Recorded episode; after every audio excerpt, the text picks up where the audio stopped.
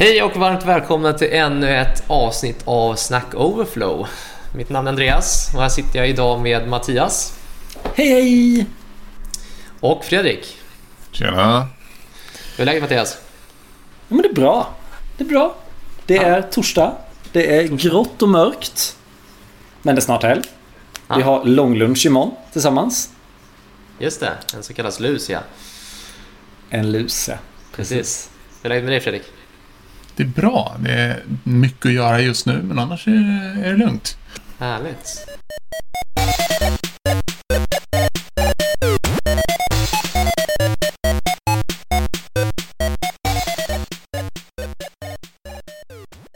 Eh, jag tänkte börja att vi skulle börja lite avsnittet med en lite mer personlig fråga.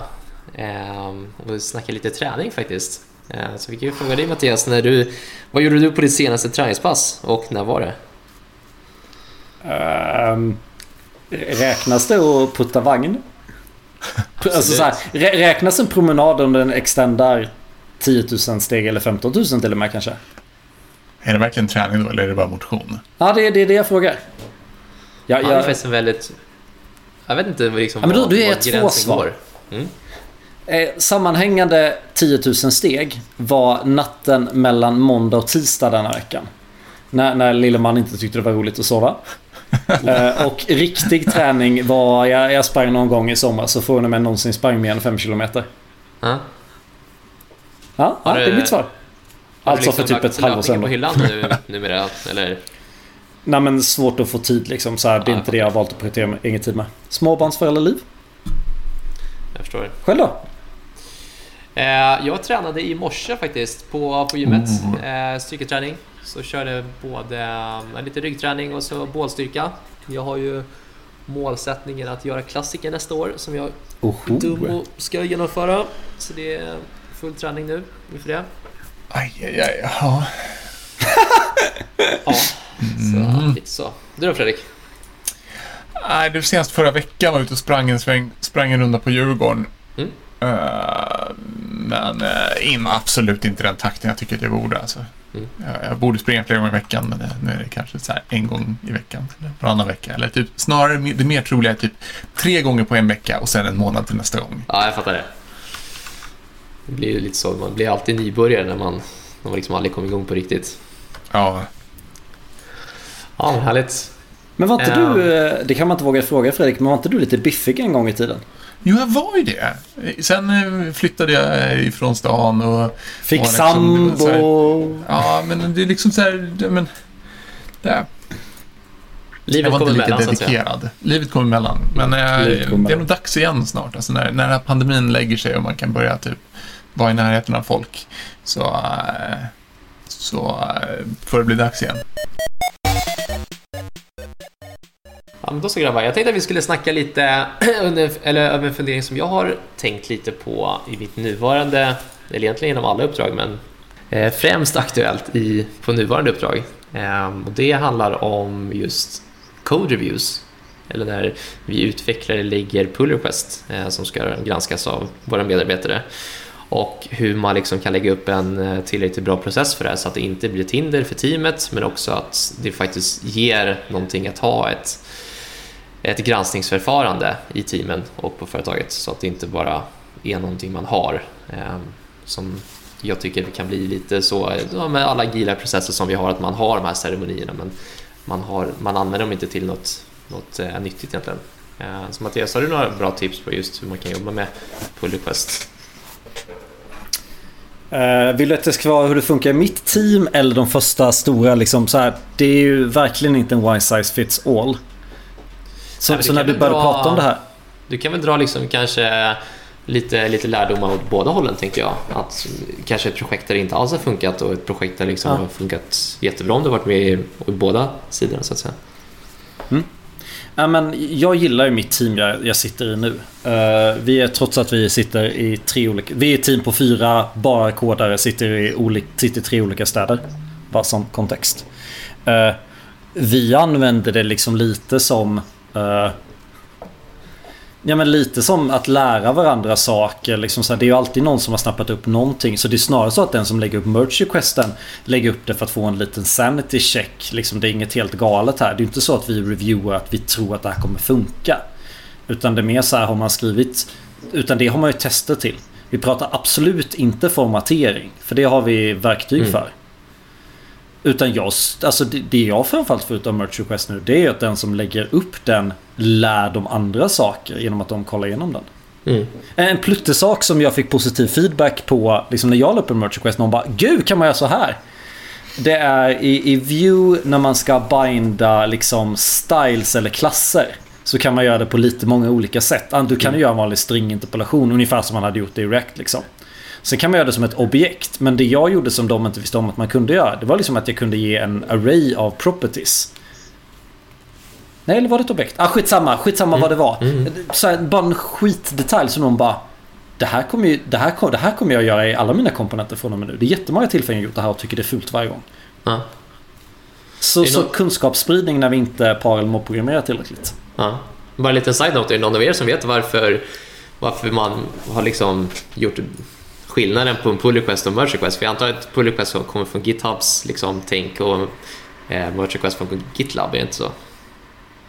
Det är ju de orden de använder i vilket fall. Ja, Ingen aning. har man valt olika? Jag tänkte om det var någon som visste bakgrunden eller om det bara är att man inte ville beblandas med varandra. Du då Fredrik? Ja, Min erfarenhet av pull requests och, och, och liksom code review i allmänhet är att alltså, det oftast har varit, precis som du nämnde innan, väldigt mycket ceremonier. Att det, Mm. att det, jag tycker att det kan vara väldigt svårt att få till vad den faktiska nyttan är. Alltså, må- många gånger har jag varit med om att, att både andras granskning av mig och, och min granskning av andra blir liksom petitesser snarare än, än verkligt tänkande. Och, och i, Ja. jag tror skillnaden är, och är väldigt stor i, i liksom att, beroende på vad det är för domän som man jobbar i. Eh, förlåt om jag rantar iväg lite, men alltså Mattias, det Mattias pratar om är typiskt sånt som, som är alltså ganska allmängiltiga saker. När man jobbar med så här, vi ska bygga vyer i vår frontend eller den typen av saker. De är de lämpar sig ganska väl för code review. Det är liksom, ja, men vi gör på det här sättet. Medan om man är ett team där, där det krävs ganska mycket domänkunskap för att göra saker, vi har ganska specifika interna lösningar, då blir det som att ja, men någon har suttit några dagar och jobbat på någonting som jag typ inte har koll på vad det är för någonting. Och då, den enda granskningen som man kan göra är typ en okulär besiktning av, av eh, ja, men, har du stylat din kod rätt eller liksom funkar det eller har du gjort tillräckligt, tycker jag att du har testat det här tillräckligt väl och så vidare. Och det ger ganska lite. Så det, det är väldigt olika hur det här funkar. Alltså, det, det känns ju som att Code Review kan ge väldigt mycket om du har någon som är lite guruaktig. Någon som faktiskt kan komma med just insikterna. Men mm, annars så kan jag tycka att, att det mer kan fungera som en, som en ganska hård gatekeeping. Om du inte har kontroll på vilka som, som skriver kod. Om du liksom har ett ja, men som ett open source-repo eller något annat där, där någon bara ska kunna föreslå kod rakt in i, i ert och ni ska kunna avgöra så här, är det här överhuvudtaget lämpligt för vårt projekt? Mm. Men internt mm, är jag lite tveksam. Jag är tveksam till själva konceptet överhuvudtaget internt i våra egna team. Men jag tycker du lyfter en jätteviktig sak där då. Alltså de här, om man ska ha massa domänkunskap som man ska reviewa, då ska man inte göra det i merch request, då ska man göra det jättemycket tidigare. Mm. Exakt. Då är det mycket bättre att göra det i, i en parprogrammeringssession, eller en mobbsession. Ja. Där man Precis. pratar Ja, eller tiden. vilken kommunikation som helst. Det kan vara, man kan ju lägga upp en VIP merch request och diskutera runt den. Hej, Ja. nu har jag outlinat mina funktioner, vad tycker du om det här? Mm. Då vill man ju inte att det ska merchas utan det är bara ett sätt att kunna kommentera i en change liksom. Ja, men då är ju liksom att, att jag, jag hoppas inte man får för sig att göra en, en merge request där man liksom checkar in kod, halvfärdig kod, till, även om det är till en egen bransch, för någon ska titta där. Det är ju mycket, mycket bättre att man gör ett, liksom ett, ett mm, ja men en Ja, jag vet inte ens vad vi ska kalla det för, en sorts review request. Att det är så här, ja men jag vill att du ska komma och sitta och prata med mig en stund när jag visar hur jag har tänkt. Ja, men tänk, tänk mitt team. Vi gjorde typ en sån. Vi, vi kör båda varianterna visserligen, att vi parprogrammerar saker också. Men vi kör ibland sånt där liksom när någon är osäker på någonting. Så här, så här hade jag tänkt att börja. Tycker ni det här ser vettigt ut? Och så lägger man upp en merch request för att det är lättare att kolla GitLab än att checka ut hans bransch eller något.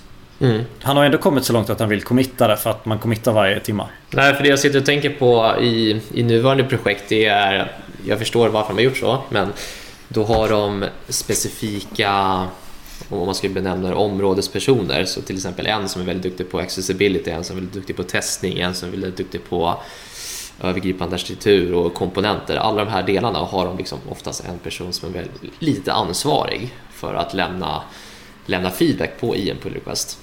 Mm. Eh, och det- Farligt. det i sig är, kan låta bra i teorin och det kan fungera bra i praktiken. Eh, det hindret som jag tycker har stött på det är att för det första tar det ofantligt lång tid att få feedback. För det här är, det är en stor organisation och det är liksom det är ett hundratal projekt som är igång samtidigt. Eh, de här människorna har ingen aning om liksom detaljerna i, i de här projekten som de sitter och faktiskt granskar kring. Eh, sen så kan de ju granska på vissa tekniska kapabiliteter som Fredrik var inne på, en okulär besiktning som ja, visst det funkar i viss mening. Men det kan ju ta att en, liksom, en, en pull request kan ju ta upp till 14 dagar att komma igenom. Och då kan du tänka liksom att alla andra team sitter och jobbar i ett monorepo och försöka hålla sig i synk med en main branch då kan bli ett problem.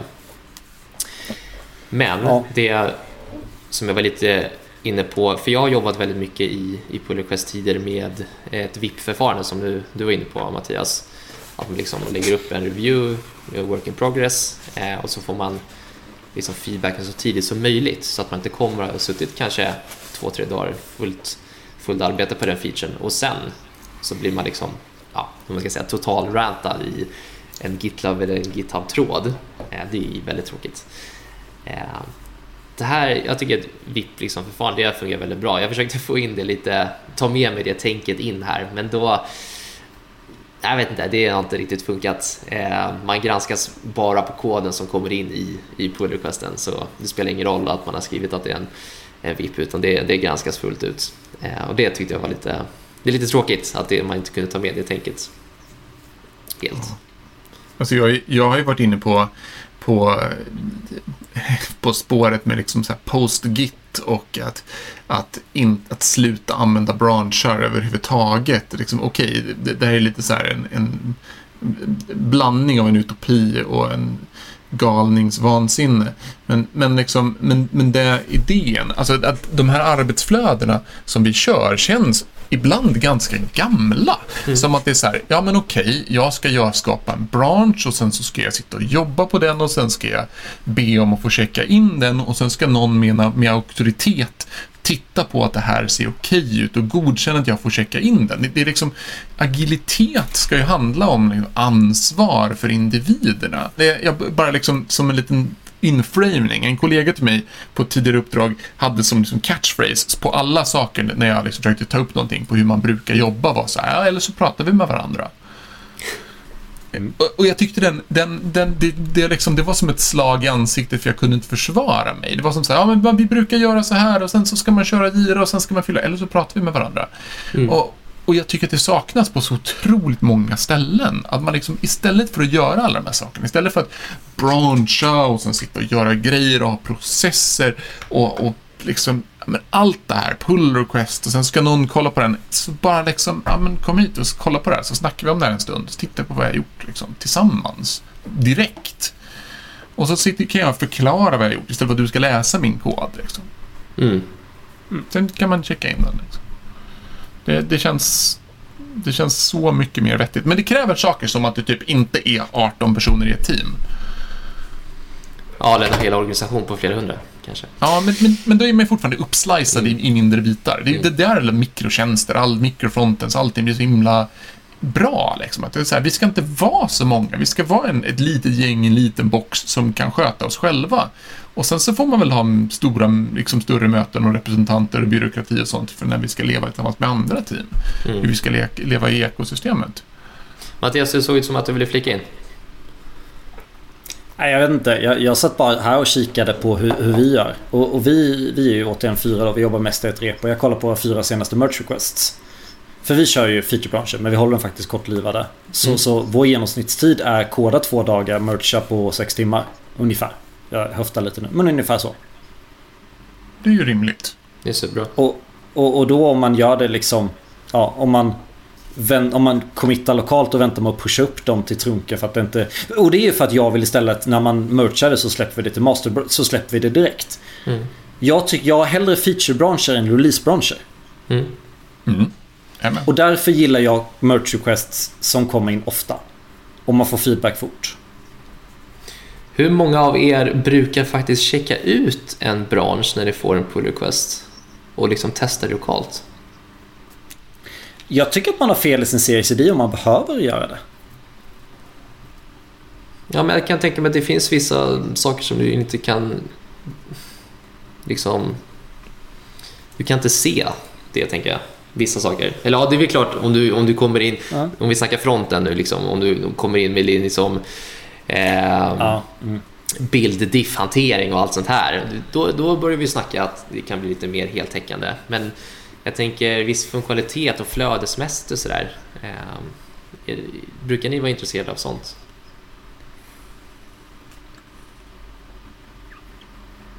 Alltså så här, eh, nej jag gör inte det. För jag litar på att Mm. mitt team, liksom, jag, jag föreslår det där kanske borde testas och det där kanske borde testas för jag gillar ju tester. Mm. Så här, kan du skriva ett unit-test för det här eller det här kanske du kan täcka av ett end-to-end-test eller ett integrationstest. Ja. Mm. Det, det är snarare det jag kommer... Så här, jag antar att testerna funkar. Mm. Ja. Så därför så gör jag avsiktligt inte det. Mm. Ja, jo. eh, Jag vet ju själv att jag gått på pumpen några gånger när jag har tyckt att ja, men det här ser bra ut för någon, det någon annan har gjort och sen så, så visar det sig att det smäller när det väl kommer ut i test eller värmemiljön eller vad man nu har. Eh, speciellt om, om man har svag testtäckning eller inga tester alls. Eh, Så, så det är lätt att gå på den. Men, men där finns också ett sånt där irritationsmoment som, som gör att man ofta blir lat. Att om jag sitter och jobbar med någonting Jaha, okej, nu ska jag stasha undan det och ladda ner någon annans grejer. Så kanske jag måste installera om annat. Det blir så lätt att man bara... Äh, äh, det ser säkert bra ut. Liksom. Men, men det är det jag menar. Det är, det är de där sakerna man istället för att checka ut koden och köra dem själv. Så vill man anta liksom så här, det där. Istället för att köra det själv borde du fråga, borde du inte ha tester för det? Mm. Mm. Jo, För då jo, checkar du absolut. Då gör ju du bara en till manuell verifikation. Du är egentligen, du blir ja. en manuell testare då. In, Ja, ja. ja men det, det är ett ju det man bort blir. från. Men där är ju också, det, det här är ju också sån här, det är ju så väsensskilt på, på olika typer av, av applikationer. Alltså, en, en av förmågorna, om du nu ska ladda ner koden och köra den själv och faktiskt manuelltesta den lite, lite smoke-testa lite, se att det verkar göra det du ska. Då måste ju caset som man försöker läsa, lösa vara lättprovocerat. Alltså, att lägga till en ny knapp i GUIT där om man trycker på den så visar vad, vad det är för väder idag. Den är liksom lätt att göra. Okej, det finns en ny knapp, jag trycker på den och det händer någonting. Mm. Medan om du har ett om du har någonting som är en, och speciellt om du, om du sitter långt, djupt ner i en backend service, då kanske det är, ja, men du måste ha speciell data som kanske inte kommer normalt, som inte ens finns med i vår testdatabas överhuvudtaget, utan dyker upp i konstiga specialfall. Och visst, det kanske finns ett test för det här, som någon har skrivit. Men hur vet jag om det är representativt? Hur vet jag om det överensstämmer med verkligheten? Det, det är ofta så att de här sakerna, alltså, beroende på vad det är för system, så kan, så kan det vara, det kan vara liksom mycket tid och Men- mycket domänkunskap för att ens kunna provocera fram det case som någon försöker be dig att reviewa. Men, men återigen då, om det är så här sen review. Du, du kan inte testa så mycket domänkunskap. Och dessutom får du väl typ anta att den andra, eftersom att den precis gjort det, har bättre domänkunskap än dig. Jag, jag tror inte du hittar det där utan så här, Du kan ju fråga liksom så här, du borde kan automatisera testerna så du, så du, du dokumenterar med ett test den domänkunskapen du precis skaffat dig. Mm. Mm. Det är som så här, precis innan vi kom in hit eh, så skulle jag visa dem, jag visade dem lite AVS CLI för att vi ska deploya till en S3 bucket och sådär. Och, och då läste jag dokumentationen, gick och, genom att gå in och kolla hur vi faktiskt gör det i vår pipeline. Jag öppnade pipeline-filen och copy-pastade kommandona därifrån och körde de kommandona. Mm. Så det jag menar, det, du, vill ju, du vill ju att den som kan det bäst skapar sin egen dokumentation så den sen kan glömma det. Är det. Men du, du som är vid sidan kan se, jag tycker dokumentationen här i form av tester eller whatever är lite svag kanske. Mm. Får jag göra en radioövergång? Det får du absolut göra. Absolut. För, för, det här blir faktiskt lite aktuellt för oss. För vi är, mitt team, ser oss som maintainers för ett bolagsspecifikt open source-projekt. Som är vårt designsystem. Mm. Eh, vi har bra, vi, vi har bäst samarbete med UX, men UX samarbetar också med alla team. Men de är ganska, UX har bra synk sinsemellan. Eh, så vi gjorde de första komponenterna i designsystemet men har nu släppt in alla. Om du får något i en skiss som inte finns i storybooken, synka med UX, säg UX det här ska in i storybooken. Så, så lägg till i storybooken och lägg upp en merch request. Mm. Och vi började få massa merch requests och började, så här, började få lite, det här började bli lite jobbigt. Ska vi börja checka ut dem? Vi började deploya feature-branschen så vi kunde kolla den här feature-branschen började klicka i storybooken. Mm. Det här var ju alldeles för jobbigt. Så vet ni vad vi har gjort? Nej, berätta. Vi har gjort en automatisering så för varenda story i vår Cypress så mountar vi den storyn och tar en skärmdump av den. Så, så det vi helt enkelt gör är att vi, main, vi har liksom en baseline på den här komponenten såg ut sist. Och när du lägger till den här koden så tar vi en ny skärmdump. Och om den skiljer sig då måste du committa. När du i din featurebransch ändrar så har vi ett byggsteg som tar den nya bilden. Och då måste du committa ner den i din featurebransch. Så i merge requesten kommer förutom din nya kod även de uppdaterade skärmdumparna. Snyggt. Ja, det är jävligt nice. Men jag, jag vet av erfarenhet att eh, skärmdumpar i Cypress har en tendens att vara lite osäkra. Eller att de kan se lite olika ut beroende på vilket operativsystem du sitter på eller den typen av problem. Så är det du själv som uppdaterar den, om du har gjort en ändring som faktiskt uppdaterar till ett nytt utseende, är Ja. det du själv som, som, som, som genererar den nya screenshoten på din dator innan du checkar in den? Eller genereras den nya screenshoten som du approvar på CICD-systemet? För annars kan du få ett, ett case där, där den aldrig kan gå igenom i CICD därför att den som genereras där alltid är annorlunda. Du har en viktig poäng och det finns en viktig sak, teknisk sak i det här. Det är att Cypress har släppt component testing-flaggan. Så du kan liksom... Vi startar inte hela Storybook, utan Storybook, vi, vi mountar liksom bara den komponenten. Med de propsen Storybook har skapat till oss. Så vi kombinerar Cypress Component Testing med ett Storybook-plugin för att det här ska funka bra. Men du har också rätt. Det är inte stabilt på de olika maskinerna. Så det man gör är att man gör sina ändringar och sen så pushar man in dem i sin feature-branch. Då kommer en pipeline-steg som går tidigt men inget annat väntar på det för det är på en feature-branch Kommer ta de nya skärmdumparna. Och sen har vi skrivit ett skript som helt enkelt går till den senaste byggda pipelinen för din feature-branch och laddar hem bilderna på rätt ställe på din maskin. Så vi har skrivit 40 rader Node som pratar med GitLab, laddar hem bilderna, lägger dem på rätt plats igen. Nej, men jag är helt med på det här. Det, är inget, det här är... Det är alltså det är ju Det- det... Det är ett, det är ett svårt problem.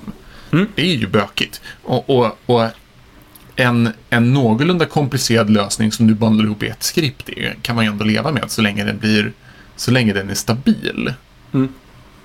Och det här hjälper oss, så ju- just tillbaka till merch request då, eller pull request. Det här hjälper oss så jävla mycket. För det är liksom så här. Jag behöver inte alla lägen ens gå in och jag, jag, behöver inte, jag behöver typ inte kolla koden. Jag kollar bara skärmdumparna. Det beror lite på vilken ändring det är om man vill säkerställa kodkvalitet. Men om det funkar eller inte, kolla skärmdumparna. Och det är så mycket småsaker vi hittat. Eh, vårt designsystem ska ju vara bakåtkompatibelt. Så en av sakerna vi sagt, vi måste behålla våra props eller versionera våra komponenter. För vi pushar ut det där i realtid och tvingar alla använda det senaste. Men då kan de ju använda knapp version 2 men knapp version 4 är den nya. Den... Det, det kan vi ta, tala om en annan gång. Jag, jag har en tanke. Finns det något verktyg för att dumpa hela sin dom? Alltså, Va? Alltså, det, Ja. jag, jag, skulle vilja, jag skulle vilja ha ett verktyg för att säga så här. Istället för att ta en screenshot Mm. så vill jag ta en snapshot inklusive all CSS. Mm. Som är just nu. Allting som är... Det finns. Inte, ingen JavaScript, bara pang, det är som jag är. För, för om man kun- kunde göra det, då skulle man kunna ta den snapshoten och så kunde man ha en, en tredjepartstjänst som renderar sidan. Du får ju sätta det i din scroll state och typ exakt var du är någonstans. Mm. Så kan du bara skicka iväg det och få tillbaka en bild. Så att allt sånt görs på en och samma maskin alltid. Mm, Det mm, borde därför- gå att... Det, det, finns teori, det finns möjligheter att göra, det, göra Mm. någonting som, som gör att du alltid får samma svar. Men här kommer jag då till första som är både en bra och en dålig sak med det här. Vi tar automatiskt skärmdump av alla komponenter. Men de animerande komponenterna är krångliga. Ja, precis. Så jag vet inte faktiskt vad jag har gjort att vår loading-knapp är stabil. Men den bilden är ju stabil. Så där vet jag inte riktigt vad vi har lyckats med. Uh, alltså vår, vår spinner. Eh, men det som också är bra med det här då, eftersom att det är Eftersom att det faktiskt är Cypress på riktigt så förutom att vi kan ta skärmdumpar på hur de ser ut i Storybook så kan vi också börja använda Cypress. Så till exempel att tabellsorteringen fungerar. Det gör vi liksom... Att, att göra det och sen ta en skärmdump. Det testar inte. Vi har inga liksom expects där utan vi klickar och tar skärmdump. Så Snyggt. den typen av verifiering går också. Vilket gör att vi har kunnat bli otroligt... Det här där du pratade om Andreas att det tar lång tid att få någonting merchat. Nu är ju vi jäkligt nitiska på att man ska följa våra guidelines. Så det är ju... Eh, vi, vi försöker att när, när vi skriver något som inte fanns i våra guidelines som vi tycker det här tycker vi men vi har inte dokumenterat det. Då lägger vi till dokumentation också. Men vi är jäkligt Mm. nitiska så det tar väl tid ändå. Men det är för att vi vill att kvaliteten ska vara riktigt jävla bra. Mm. Och vi pratar med teamet så det är inte dött för länge. Men om du gör något liknande. Om du har en storybook. Lägg på Cypress Component Testing. Alltså så värt den investeringen. Nice. Det var skillnaden som fick mitt team. Det är alltså den enda tjänsten, på sätt och vis den viktigaste saken vi gör. Är den enda saken vi vågar ta Continuous Delivery till prod. Okej. Okay. Ännu en, en utökning på det hade varit ännu trevligare om man kunde också jämföra den nya screenshoten mot faktiskt det riktiga designsystemet. Ah, jämförde med Figma till och med. Ja, det hade varit häftigt. Eh, Jag vet ju att. Storybook har ju till exempel, de har ju extensions mot abstrakt och sådär, men Figma har de inte kommit än med. Men det hade varit Nej. häftigt. Mm. Men jag måste fan säga, jag glömde säga en sak. Eh, Jag tänkte det här kommer bli jobbigt för vi behöver versionshantera den verkliga bilden, eller den, den baseline-bilden, den nya bilden och diff-bilden. Så det kommer bli lite jobbigt. Sen så committade jag in till GitLab och öppnade en merge request. Och då ser man, GitLab har alltså, om, du tar, om du ändrar en bild i GitLab, i vilket fall en PNG, då får du tre olika alternativ hur du vill se det här i ditt diff-verktyg. Antingen side by side. Men sen finns det två stycken. En där du liksom swipar ett streck från höger till vänster. Där liksom, då, då ser du då hur bilden var innan och efter. Så man, liksom, då ser du Mm. hur pixlarna flyttas. Ja. Du drar om du, hur mycket du vill se av höger och vänstra bilden. Men det tredje sättet är nästan bäst. Då successivt fejdar de den ena bilden in i den andra bilden. Så sätter man den i mitten, då får man hälften av pixlarna från den ena bilden och hälften av pixlarna från den andra. Det är snyggt. De lägger en bild över den andra med opacity. Ja, det är så jävla coolt! Så det är vi som behöver någon liksom... har tänkt på det här. Alltså. Det är som att någon har tänkt på det. här. Så, så många brukar söka om det så här. Det är så krångligt för man måste acceptera nya baselines och sådär. Nej, Mm. det kommer in i vår... Man behöver köra ett kommando. Vi funderar till och med på om man ska autocommitta in. Om, om pipelinen får nya bilder att den automatiskt ska committa in dem. Vi valde att inte göra det för att vi vill öka, vi vill tvinga utvecklaren att godkänna bilden innan den lägger upp merch requesten. Alltså, det, det, är ju, det är ju nästan så att om man vore, om man vore en seriös organisation som, som var stor och verkligen ville ta det här på allvar, då skulle man bygga en custom plugin till GitLab. Eh, eller något åt det hållet. Alltså, men du skulle vilja ha ett verktyg så att du, du, du, du är inte ansvarig för att se till att dina bilder ska vara lika. Utan när du gör din merge request så har du en plugin där du får se bilderna på, med precis den här, så får du säga ja eller nej. Så att den som gör merge requesten liksom gör överskrivningen med den gamla till den nya bilden. Ah, Så du, menar att du typ du min, min, min UX-snubbe skulle approva liksom? Ja, men precis. Så du bara rullar på och sen, sen när du ska merge requesta den, då är det en ändring. Bilderna är olika. Och så ser du så här, men den här ser ut så och den ser ut så. Då trycker du ja och då, uppdaterar, då gör den en incheckning och, och byter ut bilden i samband med merge requesten. Det hade man kunnat göra så att, det- så att mm, det var en del av en yes-no-process liksom. Mm. Det är ju inte riktigt så, men vi, vi, vi skickar ju merch requesten till, till UX-snubben också. Så han är ju tummen upp för det. Ja, snyggt. Mm. Det är är, Så han, han är ju med och kollar på merch requesten fast han kollar bara på bilderna. Schysst. Det, jag, tycker det här, jag tycker det låter helt fantastiskt. Vet du Mattias, om det där diffet, tycker det är specifikt i GitLab eller finns det i typ GitHub och alla andra? Du, i- ingen aning. Nej, Jag visste inte. Det, det, det blev oväntat bra. Ja, ja, jag fattar. Eh, jag ska fan kanske...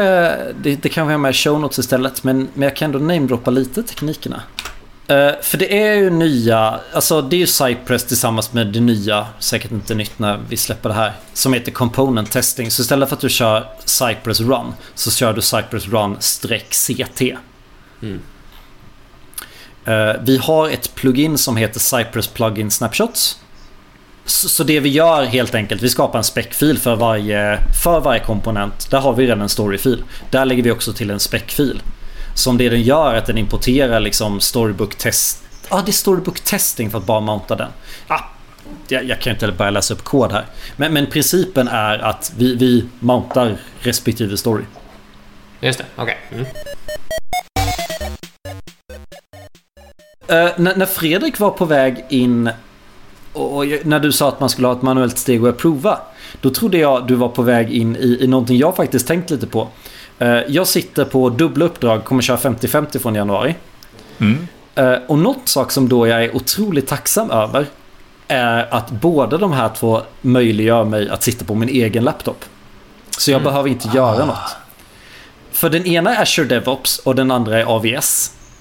Båda två kör Teams, så jag har olika browser för olika Teams.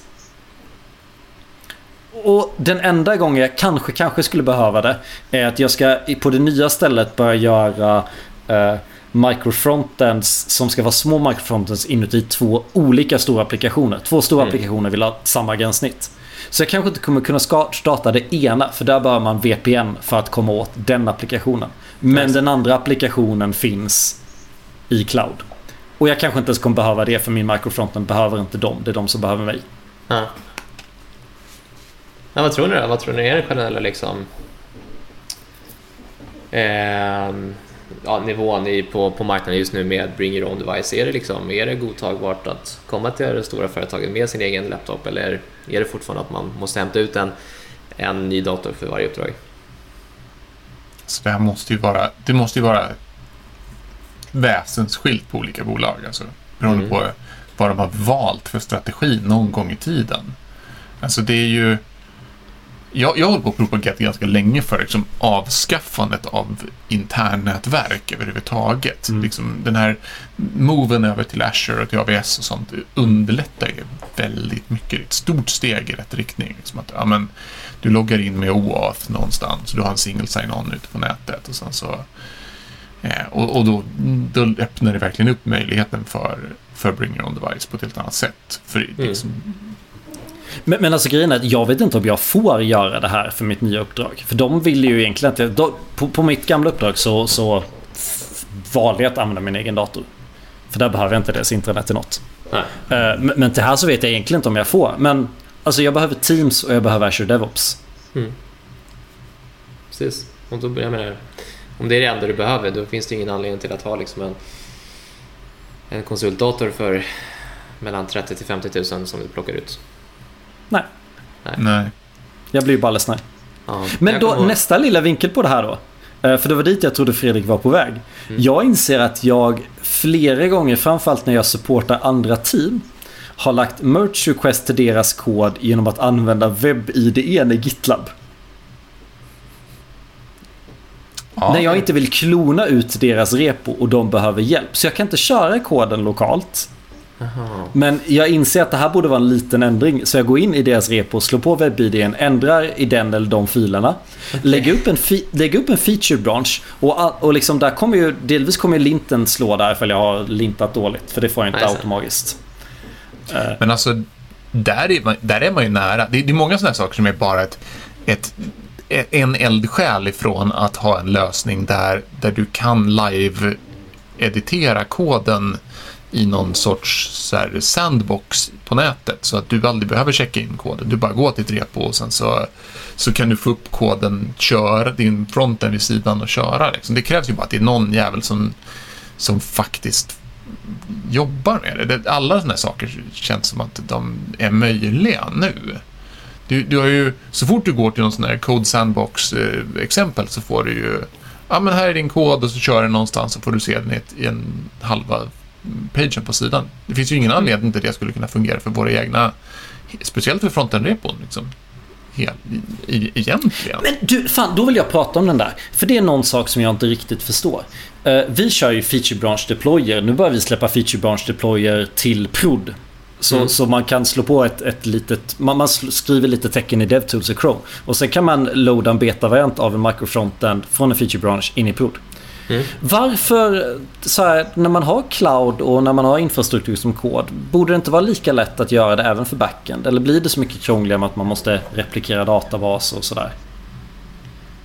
Jag tänker ett team som har en mikrotjänst som lyssnar på en eventbuss och den lyssnar på... Liksom en klient kan lägga till data med en normal CRUD men den lyssnar också på en eventbuss för att lägga in ny data. Det beror ju extremt mycket på vad du gör för förändringar. Alltså, ja. her, herregud. Det, jag har varit, jag, det här har jag varit på. Om du, gör, om du, om du sitter på så här roliga, moderna saker som att du som sagt lyssnar på en eventbuss. Att alla mikrotjänster följer det som händer på eventbussen. Och, och när du ändrar på någonting så skickar de ut event på eventbussen. Så, så, att, liksom, så att den uppdaterar sanningen. Um, Okej, okay. då kanske du kan göra så här. Men du kan ju fortfarande hamna i lägen där där dina två versioner börjar divergera ifrån varandra för att, de hanterar, för att du har gjort en ändring som gör att saker ändrar sig. Och så fort du hamnar i ett läge där liksom datan inte riktigt... är, det, det, rent, rent ens teoretiskt så är det inte helt bestämt vad sanningen är. Den är liksom lite olika på olika ställen. Då, lever du jävligt farligt alltså. Då, då, mm, gör du det i produktion, då kan det hända läskiga saker.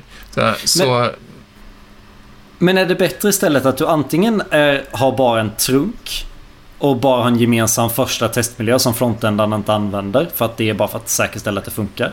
Mm. Mm. Är, det, är det lösningen istället? Återigen såklart massa antaganden men... För det börjar bli så jäkla smutt. Alltså vi börjar bli på nivån. Behöver frontend testmiljöer? Vi har börjat prata om om vi inte behöver det. För att slippa det här. Ja, backenden är bara i dev och den andra backenden är i stage. Ja, och lite i prod. Ja, Okej, okay, min frontend är redo att släppa med datan i dev. Så... Uh, ja, jag, jag låter den här featurebranschen ligga då och göra något annat under tiden. För vi vill köra continuous delivery. Ja. Där finns det ju roliga saker. Jag har ju diskuterat Pact till exempel tidigare. Ja. Eh, och man kan ju strunta i PACT, ett sådant system för vad heter det, eh, Consumer Driven Contracts, alltså att man definierar i frontenden vad de förväntar sig av backenden. Men, men egentligen, det, det viktiga är ju där att, att oavsett vilken, vilket system du tekniskt sett för, använder för att hålla ihop vad, vad API kan leverera och vad, vad en klient ska ta emot, så, så mm. det man kan göra där är att man kan få typ så här beroendematriser, alltså att man, man kan mm. se version 4 av frontenden är kompatibel med version 4.0 och 4.1 av backenden. Eh, och då kan du få de här automatiskt. Om du på frontenden sitter bara, men jag sitter och levererar nya versioner, men de är inte, läng- de är inte ännu kompatibla med backenden, för de har inte gjort det som, som stöds. Du ligger ju hela tiden före. Så kan du bygga CI-CD pipelines där du i fronten, du bara springer igenom framåt. Och när backend kommer ikapp en version, liksom kraven för en version, då releasas din frontend-version som uppfyller de kraven automatiskt. Så att mm. du kan i efterhand inkrementellt låta backenden uppdatera fronten genom att uppfylla deras krav. Ja, det går att göra mer sådana moderna saker, för då är inte ni hindrade. Eh, Nej. Ytterligare en sak som jag vet att alla våra team har varit inblandade i, det är de här, alltså du kör, vad heter de, import map overrides. Mm. Alltså att du, ah, yeah. att du hostar antingen för, för då, kan du, då kan du göra så att du kan säga att det finns ingen testmiljö för fronten. Nej, Utan men det är istället, det precis det inne på. Istället så deployar du dina feature-branchar med, med namn på olika ställen och de har namn och sen så går du bara in i produktionsmiljön och pekar om dem. Men det går ju också att göra, givet lite, lite smarta grejer med hur du sätter eh, inställningar i dina backendar, så kan du göra samma saker där också.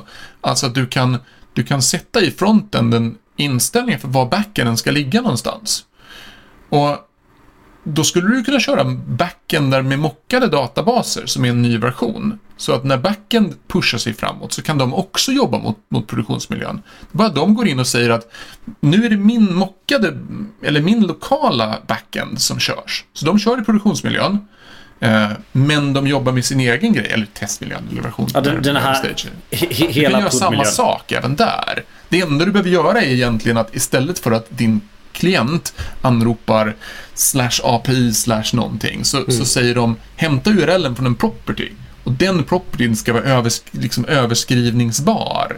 Precis så som Men- import map, system import map, import map overrides gör. Alltså att Ja. du kan spesa, min backend ligger på den här URLen och den ska du kunna ändra på.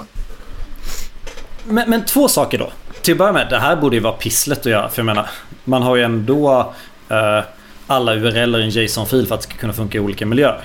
Ja, det är pyssligt lätt att göra. Det är bara att man ska göra det och, och få till det andra arbetssätt. Men, men, men jag vill lägga till ett till men. Eh, vi, alltså jag tycker inte att man ska testa en backend med en klient. Jag tycker man ska testa det med API-testa och sen släppa skiten. Helt med. Men, men så enkel är inte verkligheten alltid. Ibland Jo. vill du nog testa att det funkar med en klient också. Äsch. Nej men så här, oftast så kan du ju släppa, eftersom att du inte får förstöra bakåtkompatibiliteten. Så så länge det inte är sådär logik du ändrar utan du bygger ett nytt API eller så här. Jag tycker folk är alldeles för rädda för att släppa backend-kod som kanske funkar. Men vi, vi, vet att den inte förstör, vi vet att den inte förstör någonting. Vi vet inte om den funkar. Men det vet man ju inte.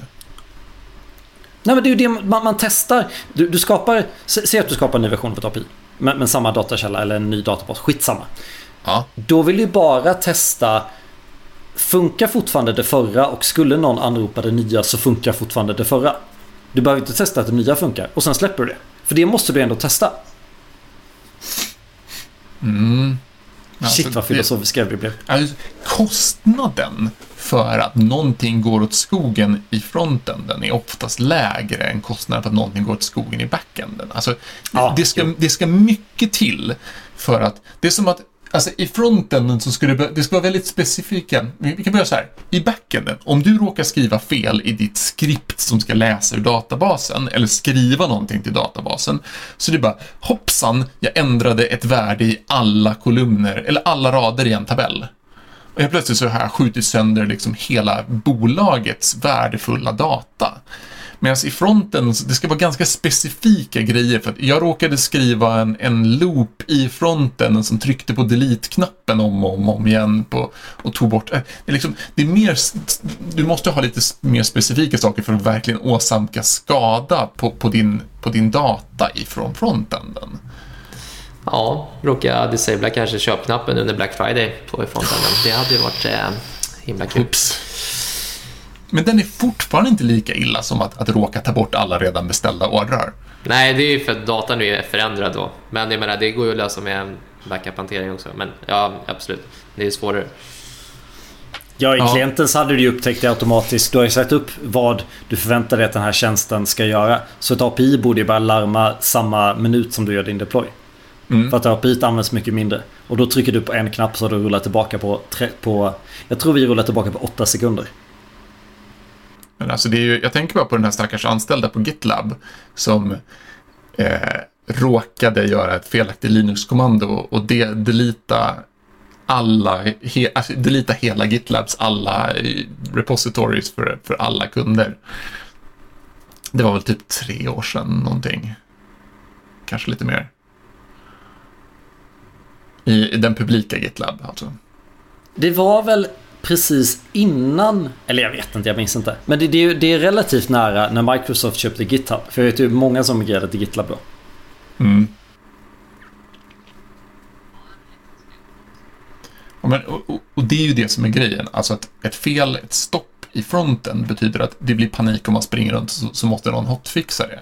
Ett fel i backen, och speciellt ett fel i ops, kan vara hoppsan, nu ligger vi ner i flera veckor för vi måste hitta vad fasen, hur fan man återställer backuper igen. Mm, absolut, så är det. Men när du ändå säger det där. Vad, vad var det egentligen Facebook gjorde när Facebook låg nere i åtta timmar för, för någon månad sedan? I september eller vad det var. Var det inte någon som så hade råkat stänga av så man inte kom åt interna nät- Alltså de hade in, intern routing och så råkade de stänga av så man inte kom åt. De förstörde interna nätet samtidigt som de stängde av så man inte kom åt det. Eller har någon någon bättre förklaring? Var inte det att alla deras DNS-records hade försvunnit, eller? Det kanske var en annan incident. ah, ja. det händer ju sådana där hela tiden. En annan, en annan rolig grej är ju när certifikat går ut. Microsoft hade ju någon sån nyligen för, var det Windows 11 eller var det nya? Det var appar som slutade funka för att certifikat gick ut. Det tycker jag för övrigt är det... Alltså jag fattar inte hur företag fortfarande har det problemet. Att man fortfarande inte har koll på när sina certifikat går ut.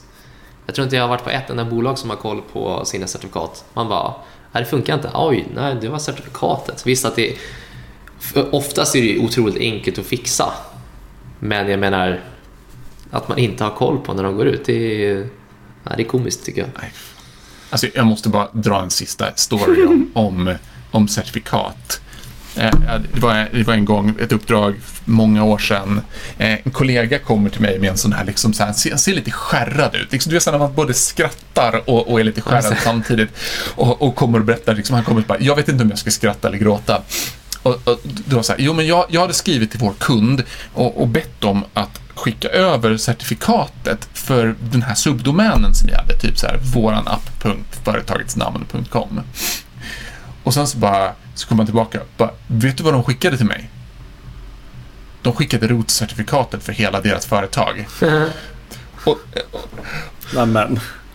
över e-post. Det är som okrypterad e-post bara rakt ut. Här får ni vårt rotcertifikat. Jag ska inte vara också förmodligen då någon som hade det där rotcertifikatet på sin dator lokalt också och som bara Oh, Här ligger det! Ja. Säkert. det, det, och man sitter där bara så här. Oh, man känner mig liksom kall. Jag, jag känner redan nu att jag blir så svettig om händerna vid, vid liksom tanken på att det här händer. Man bara... Aj fan. Och, och, och det, var inte, det var inte ett litet bolag heller. Det var, det var ganska... Det var liksom ett, ett nej, men säkert 50 000 plus anställda Ah, ja. bolag som, som bara... Whoops. F- Får jag berätta då när jag sänkte eh, den, den sidan där jag jobbade på för, för fem år sedan? En, ett svenskt gamblingbolag. Eh, de hade en instruktion för hur man satte upp liksom så här CMS lokalt. Så det var ett obskyrt CMS. Eh, och, och i steg 6 så står det byt ut de här inställningarna mot de här inställningarna. Problem, och, och det var kanske 10 steg totalt. Eh, problemet var att det här behövde man göra tillräckligt ofta så man började minnas detaljer och började, liksom, man öppnade väl kanske där man började hoppa över. Om man inte, när man följde den här guiden, inte ersatte steg 6-variablerna så var det ju så att man gick direkt mot produktion. Åh. Och så, så råkade man trycka start och jag vet inte vad man gjorde längs vägen. Och sen så gick man på lunch. Kom man tillbaka, sidan funkar inte. För man hade låst databasen och något själv. För det var ju inte så att man hade egen databas. Utan configen var ju till vilken liksom databasen för CMS-et. Man hostade UI själv men inte databasen. Oj. Ja, Det var kul. ja det, det är en klassiker att vi, vi med väldigt små medel så kan vi ställa till väldigt stor, stora problem. Mm. Ja, men det kanske är där vi slutar det här avsnittet. Vad säger Det är ni? ju dags, fast, fast det är dags för veckans viktigaste. Veckans... Veckans... Veckans tips. Tips! Ja, just det. Veckans tips. Mattias, du känns sugen på att börja. Har du något? Ja, jag får fundera lite bara. Men jag, jag, jag hade något, jag har bara tappat det längs vägen. Jag har ett veckans tips idag. Ja, men kör du då Fredrik. Ja, det, det, är liksom mer generellt. Idag är det ett hårdvarutips. Okej. Yes. Eh, och eh, det är ingen annan, eh, det är ingen som ser vad jag visar upp saker. Utan mitt, mitt hårdvarutips idag, det är att köpa adaptrar ifrån, som är från USB-C-hona till micro-USB-hane.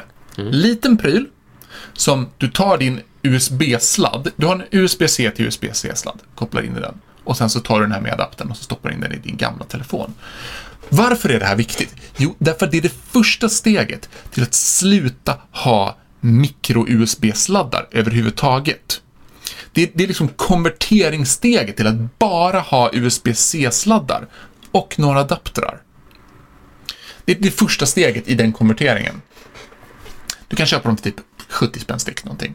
Ha, ha ett par, tre stycken räcker alldeles utmärkt för alla behov. Men då kan du sluta ha multipla kablar. Men jag vet inte vad jag har. Jag, jag har något enstaka som har sånt men det är, jag är nästan borta med min USB.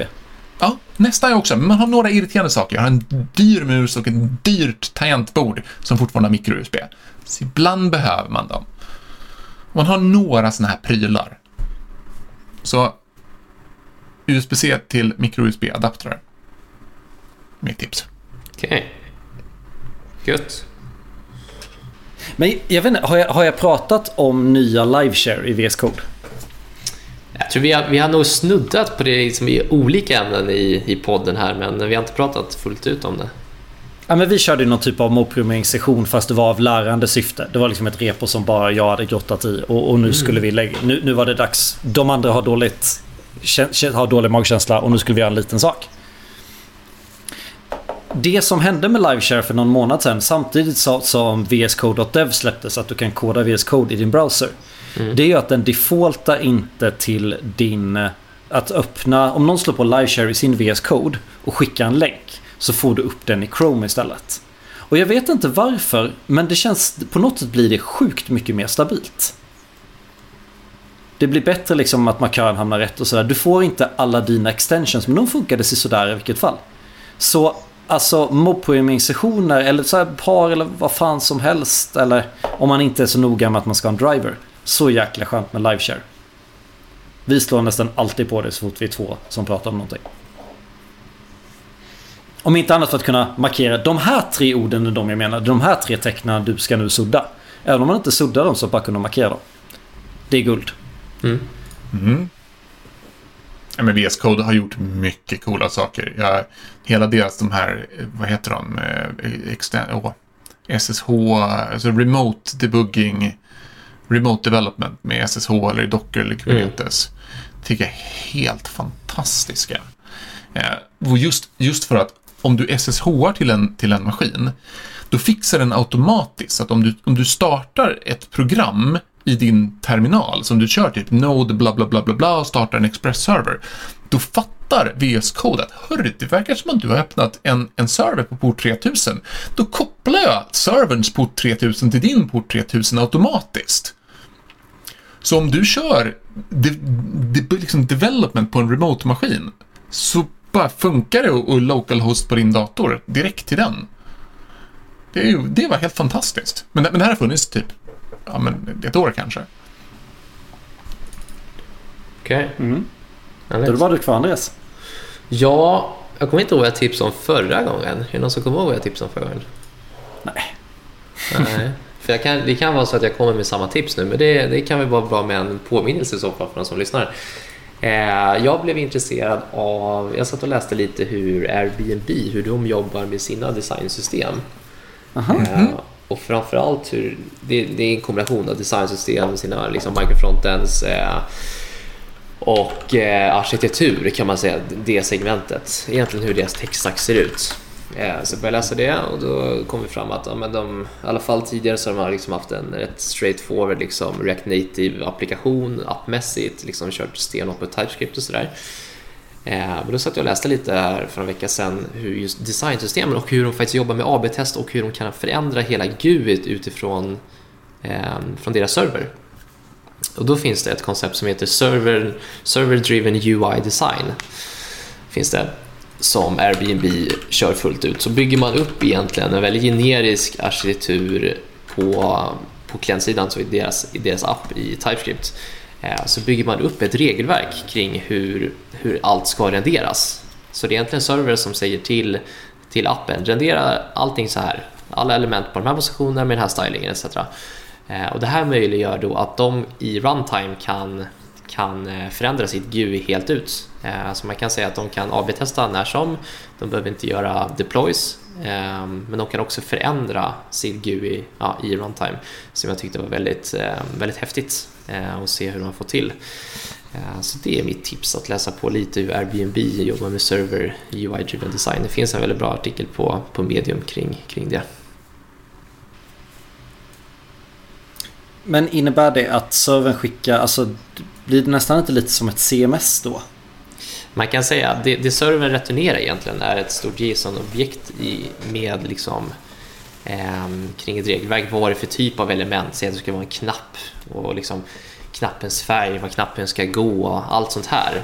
liksom, allt regelverk kring alla UV-element kommer i en JSON-blobba från, från servern och sen då renderas ut på, på skärmen. Det låter lite som typ server-side-rendering av eh, React Native. Mm, man, ja, precis. Eh, dock med fördelen att kunna liksom ändra sin GUI runtime och alla de här liksom delarna. Men absolut, det är ju, det är ju ish ett, ett serverrenderat GUI, eh, fast det inte är det. Det är bara servern som ger instruktioner till, till fronten att säga hej, nu ska du renderas på det här sättet. Ehm, så jag, jag, tyckte att det var väldigt häftigt ehm, med tanke på att det, det är ett otroligt stort företag och Airbnb har jag alltid följt som de har liksom verkligen varit långt fram i utvecklingen och har bidragit väldigt mycket.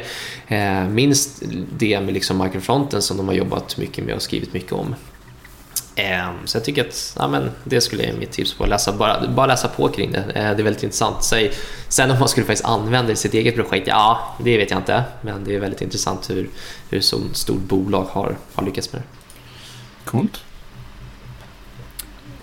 Vet ni, jag kom på ett litet, jag vet inte om det är ett tips, men jag måste berätta det. Jag tror jag har lyckats med min nya grupp, mitt nya uppdrag. Jag tror vi ska lägga in lintregler som förbjuder alla typer av for-loopar. Oj, det är kaxigt. Oh. For off, for in, array.forEach, gone! Okej. Okay.